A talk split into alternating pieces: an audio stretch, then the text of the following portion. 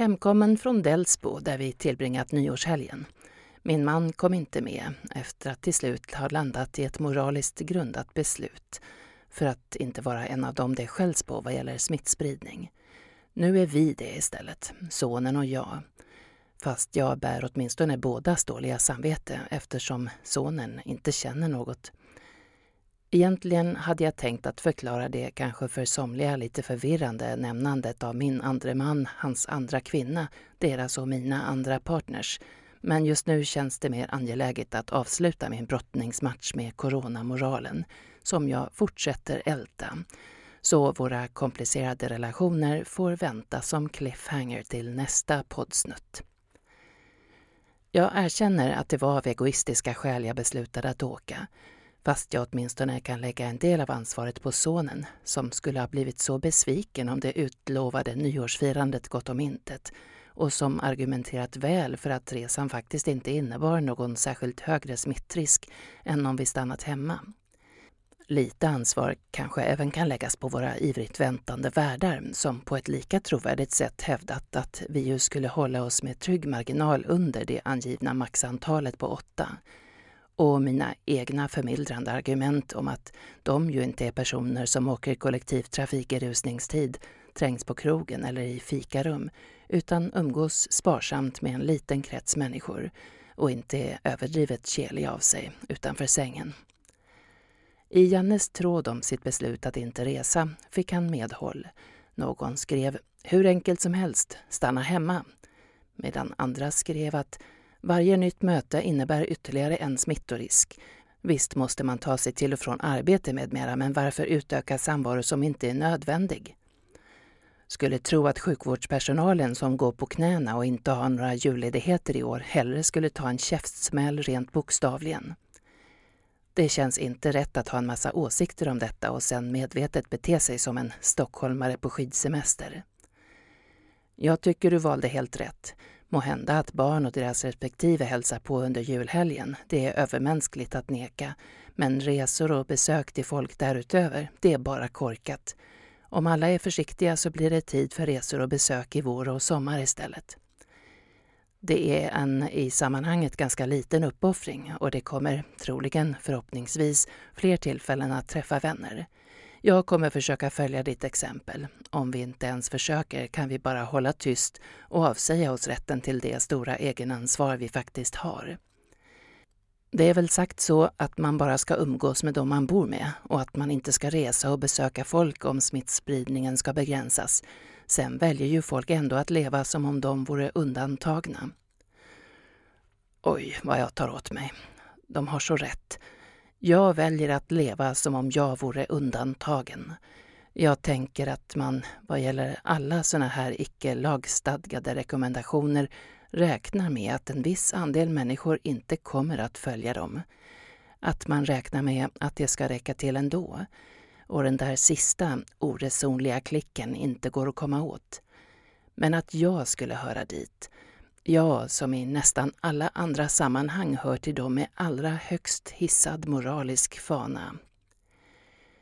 Janne skrev att är man inte beredd till en uppoffring man förväntar sig av andra i en angelägenhet som gäller hela nationen är man bra ynklig, åtminstone skulle jag känna mig sådan.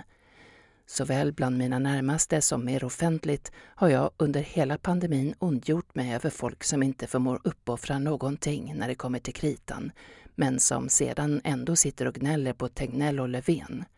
En sådan människa skulle jag inte stå ut med att vara och inte heller en sådan som ondgör sig över dem men sedan handlar precis som de skulle ha gjort när det handlar om den egna situationen och dess lockelser. Jag ser ingen annan möjlighet än att avstå, även om jag vet att smittrisken i sammanhanget blir väsentligen densamma och att jag gör åtminstone fem människor besvikna därvid. Jag känner mig usel. Men behöver jag känna mig sån? I detta fall snarare fråga om en symbolisk handling, en egoistisk vägran att uppoffra sig. Jag tänker på begreppet free riders, som det används när det handlar om miljöproblem eller nedskräpning.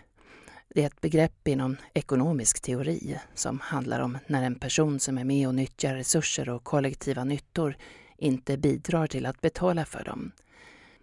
Att om bara jag lämnar soporna efter mig i naturen, tömmer båtens toa i havet eller flyger till Thailand gör det inte så stor skillnad. Den ofta så förhatliga invändningen, tänk om alla gjorde så, är ju faktiskt relevant. För man är inte ensam. Vad man gör påverkar andra. Mer om man är statsminister eller influencer, men även om man bara är en medmänniska på bussen som släpper sitt godispapper på golvet. Om en icke redan principfast människa ser mig göra fel gör det tröskeln lägre för hen att göra likadant, om detta är det mest bekväma alternativet. Slutresultatet utgör summan av alla enskilda individers handlande och en person som föregår med dåligt exempel kan dra ner dem som tvekar inför sitt val lika mycket som, eller mer än, en som föregår med gott exempel. Jag kan väl inte hävda att mina resor varit nödvändiga, annat än känslomässigt. Jag erkänner att det är egoism, men jag längtar så starkt och känner på ett sätt som närmast liknar tonåringars att just detta tillfälle aldrig kommer tillbaka. Att jag inte vet om det som känns så akut angeläget nu kommer kännas lika angeläget om en månad, ett halvår eller längre vågar jag inte ens tänka. Och jag vägrar tänka att om det inte känns angeläget om ett år så är det inte särskilt viktigt nu heller. För livet består ju av korta stunder framkallade, förstärkta eller förmörkade av känslor.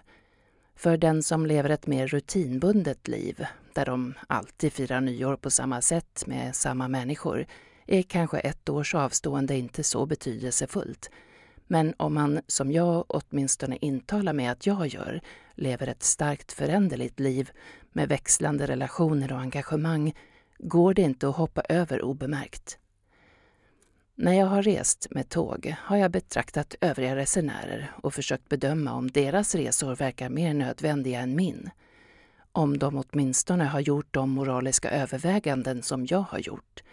Om de åtminstone har dåligt samvete som jag. Som om det gör någon skillnad. Eller jo, dåligt samvete, eller snarare de överväganden som föregår det, borde leda till än färre onödiga resor.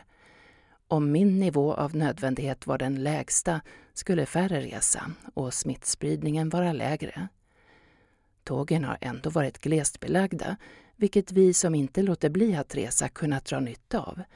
Det är inte rättvist. Jag skäms.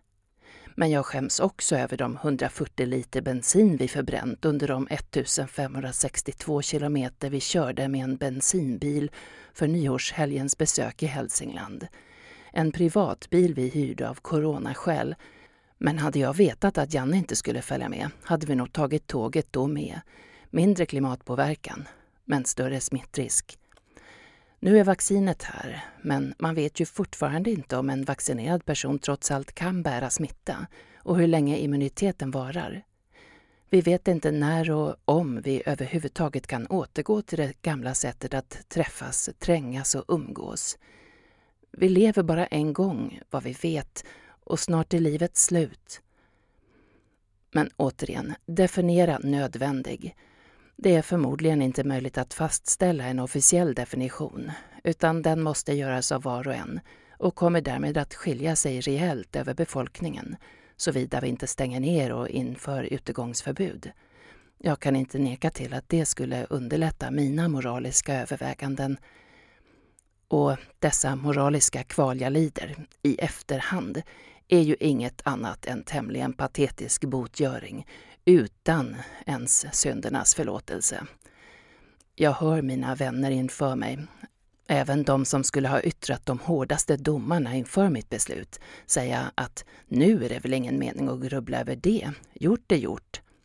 Jag avundas dem, samtidigt som jag ser det som ett slags omänsklig AI att ha en sådär känslolös, rationell hjärna där man bara stoppar in data, får ett entydigt resultat och därefter lämnar alltihop bakom sig. Nej, jag varken kan eller vill vara sån. Hellre en olycklig Sokrates än en lycklig gris. Inte för att det lönar sig direkt. Men när jag knutit ihop säcken kring några dagars grubbel och skrivande i och med dessa minuters inspelning, då kan jag åtminstone lägga grubblet bakom mig. För en stund. Tack för mig.